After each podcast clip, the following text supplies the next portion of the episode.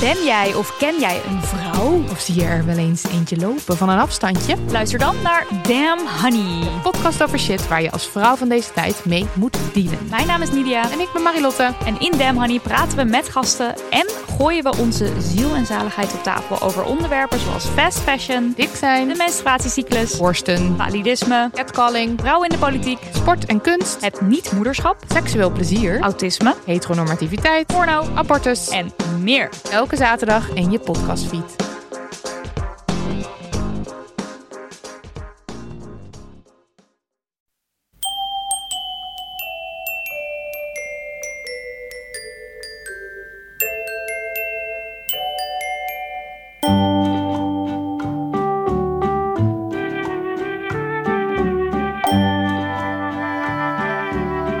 Welkom bij aflevering 274 van Echt Gebeurd, podcast waarin waargebeurde verhalen worden verteld door de mensen die ze zelf hebben meegemaakt. In deze aflevering een verhaal dat Willem de Wolf in januari van dit jaar vertelde tijdens een Echt Gebeurd avond in de Groningse stad Schouwburg. Het thema van de avond was Onderweg.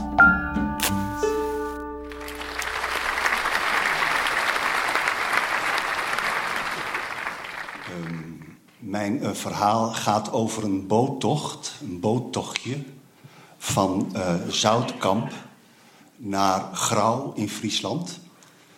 En het is zeg maar zo gesitueerd eh, half eind 70 jaren. In die tijd hadden wij namelijk in Grauw, eh, wij, dat is eh, mijn vader, mijn moeder, ik en mijn broertje. Wij hadden in die tijd een staakerven in Grauw aan het Pikmeer. En een staakerven hebben in Grauw en aan de Friese meren betekent eigenlijk ook dat je een bootje moet hebben.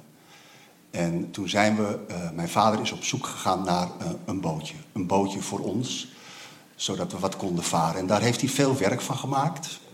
Ik herinner me dat er op een gegeven moment heel veel folders in huis lagen over bootjes. En op een gegeven moment is de keuze gevallen op een Shetland. En een Shetland, dat moet u zich voorstellen, dat is een klein bootje met een kajuitje en een kuipje. En daarboven zit dan een, eh, een luifel. En daarachter zit een eh, buitenboordmotor. Dat bootje heeft mijn vader toen gekocht in Zoutkamp. Maar op een gegeven moment moest dat natuurlijk van Zoutkamp naar het Pikmeer in Friesland toe. En wij hadden nog nooit gevaren eigenlijk. Wij waren wel mee geweest met, met kennissen en dergelijke, af en toe eens mee. Maar echt zelf varen en alles wat daarbij hoorde, dat hadden we eigenlijk nog nooit gedaan. En uh, dat was ook nog niet de tijd van de, van de vaarbrevetten en dergelijke. En ik herinner me dat mijn vader toen een idee had, want die nodigde mijn oom uit om mee te gaan voor het vervoeren van het bootje. Mijn oom Klaas. Mijn oom Klaas had op de binnenvaart gezeten. Uh, woonde aan de Gansenvoortsingel. Dan, had hij, kei, dan kon hij kijken naar het open en dichtgaan van de brug. En dan kon hij af en toe daar nog eens uh, schepen voorbij zien gaan. Hij was gepensioneerd binnenvaartschipper. En het leek mijn vader een goed idee om hem mee te nemen. Hij had in ieder geval vaarervaring. Ik herinner me nog dat we naar Zoutkamp gingen. En dat daar dan inderdaad ook het bootje wat we hadden, hadden gekocht in het water zagen, drijven. En het was crème kleurig, was het. En als je het zo zag liggen in die haven van Zoutkamp, dan was het eigenlijk heel licht, vond ik het. Ik vond het ineens een heel licht ding. En uh, mijn vader had de tocht uh, uh, helemaal uitgestippeld. Want hij wilde met dat lichte bootje, wilde hij het Van Starkenborgkanaal vermijden. Uh, en uh, we besloten dus, hij besloot dus dat we een tocht moesten maken. Eerst een heel stuk over het Lauwersmeer. Als we dan uh, flink hoog op het Lauwersmeer zouden zitten, dan zouden we links kunnen afslaan op het Dokkumerdiep. En via Dokkumerdiep zouden we dan Friesland invaren. Maar het waaide nogal die dag. Maar ik moet jullie zeggen, nu ik eraan terugdenk, ik wist niet eigenlijk precies dat waaien ook werkelijk meteen gevaarlijk zou kunnen zijn. Ik bedoel, je moet wel echt eerst weten wat voor invloed dat heeft op zo'n bootje. En in zo'n haven viel het eigenlijk ook nog enorm mee.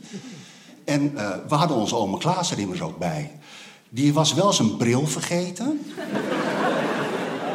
Hij was oud, hij was zijn bril vergeten. Maar wat hij niet vergeten was, was zijn Esso-vlag. Zijn Esso-vlag van het binnenvaartschip waar hij vroeger nog mee had gevaren. En hij vond dat dat op dat plastic bootje moest. Dus wij varen daar met z'n vieren varen wij uh, de haven van Zoutkamp uit. Lauwersmeer op. En toen begon het al vrij snel begon al vrij snel. En je zag eigenlijk helemaal niemand op dat hele Lauwersmeer. Wij met z'n vieren voor het eerst op dat bootje op dat Lauwersmeer. En er waren echt al witte koppen op de golven. En het rare was, ik wist ook niet precies wat je erbij moest voelen. In de zin van, uh, uh, het was ook wel sensationeel het slaan van het scheepje op die golven was eigenlijk ook best wel sensationeel. En mijn broer en ik keken elkaar ook aan met zoiets van... nou, als dit het is, varen, dan is het misschien, dan is het, dan is het misschien sensationeel en prachtig. Maar het was toch ook een beetje gevaarlijk.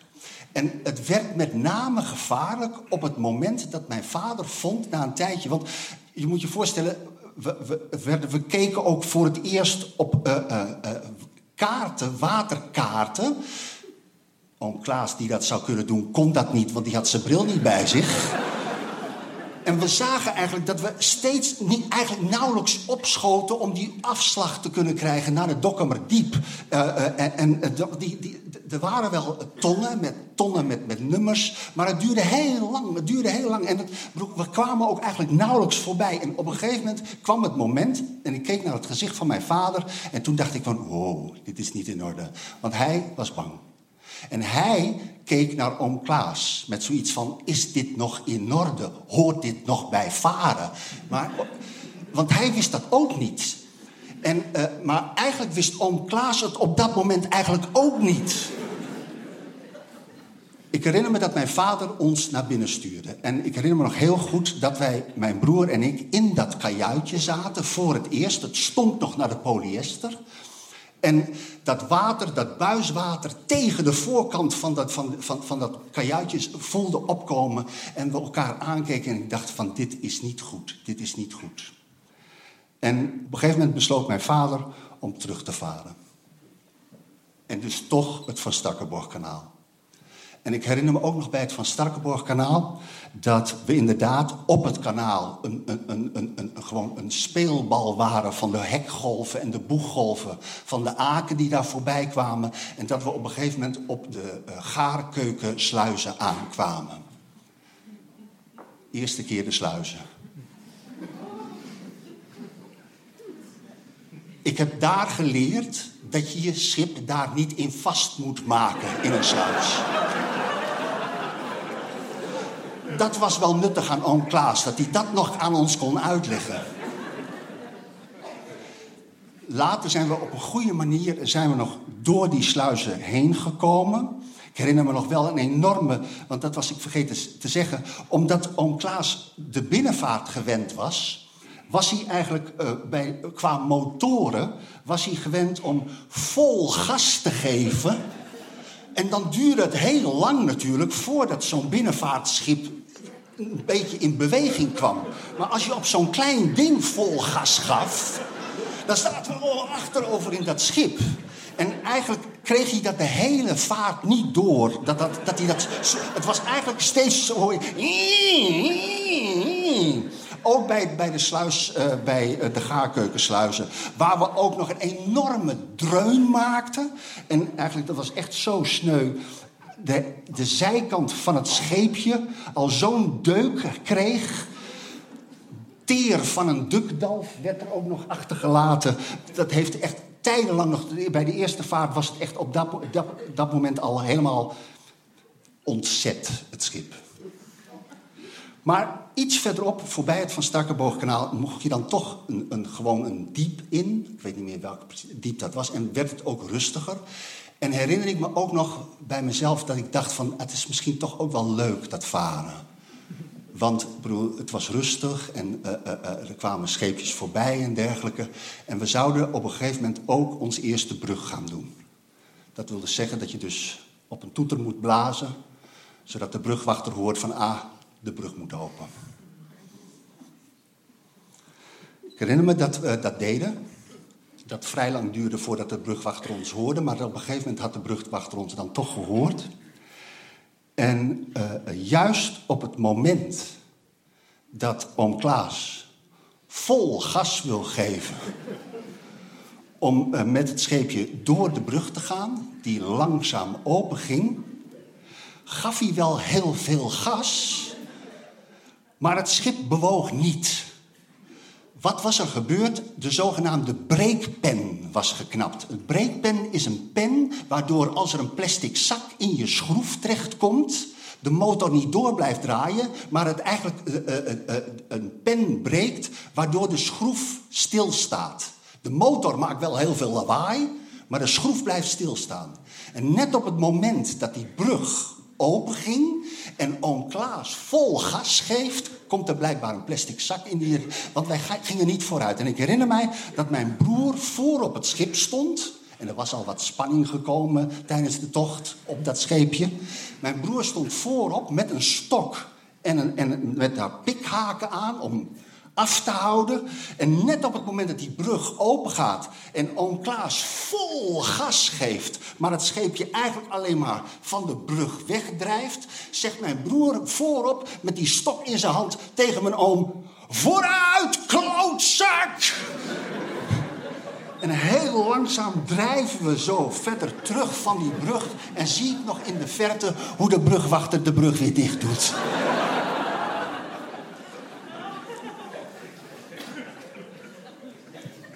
Raar is, dit laatste gedeelte van het verhaal bij de brug uh, vertelt mijn vader nog altijd op verjaardagen.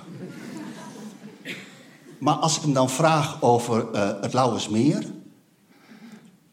toen zag ik laatst pas dat hij naar me keek en zei: Wim, waren wel een verzoek.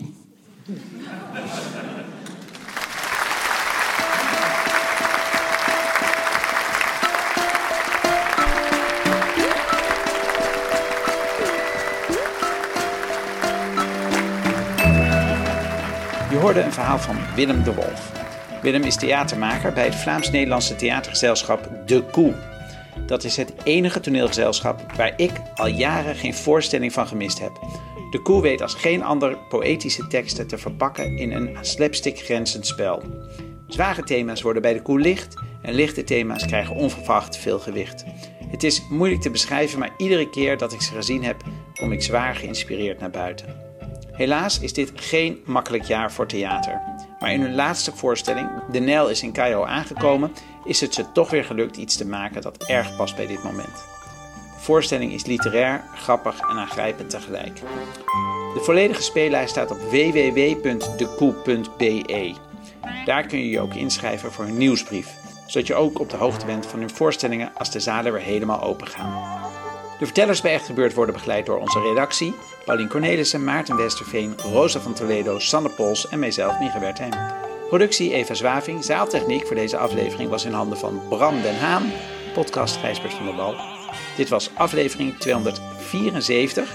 Bedankt voor het luisteren en vergeet niet, als je ooit met een Shetland van Zoutkamp naar Grauw wilt varen, vergeet dan niet om eerst een oude Esso-vlag te hijsen.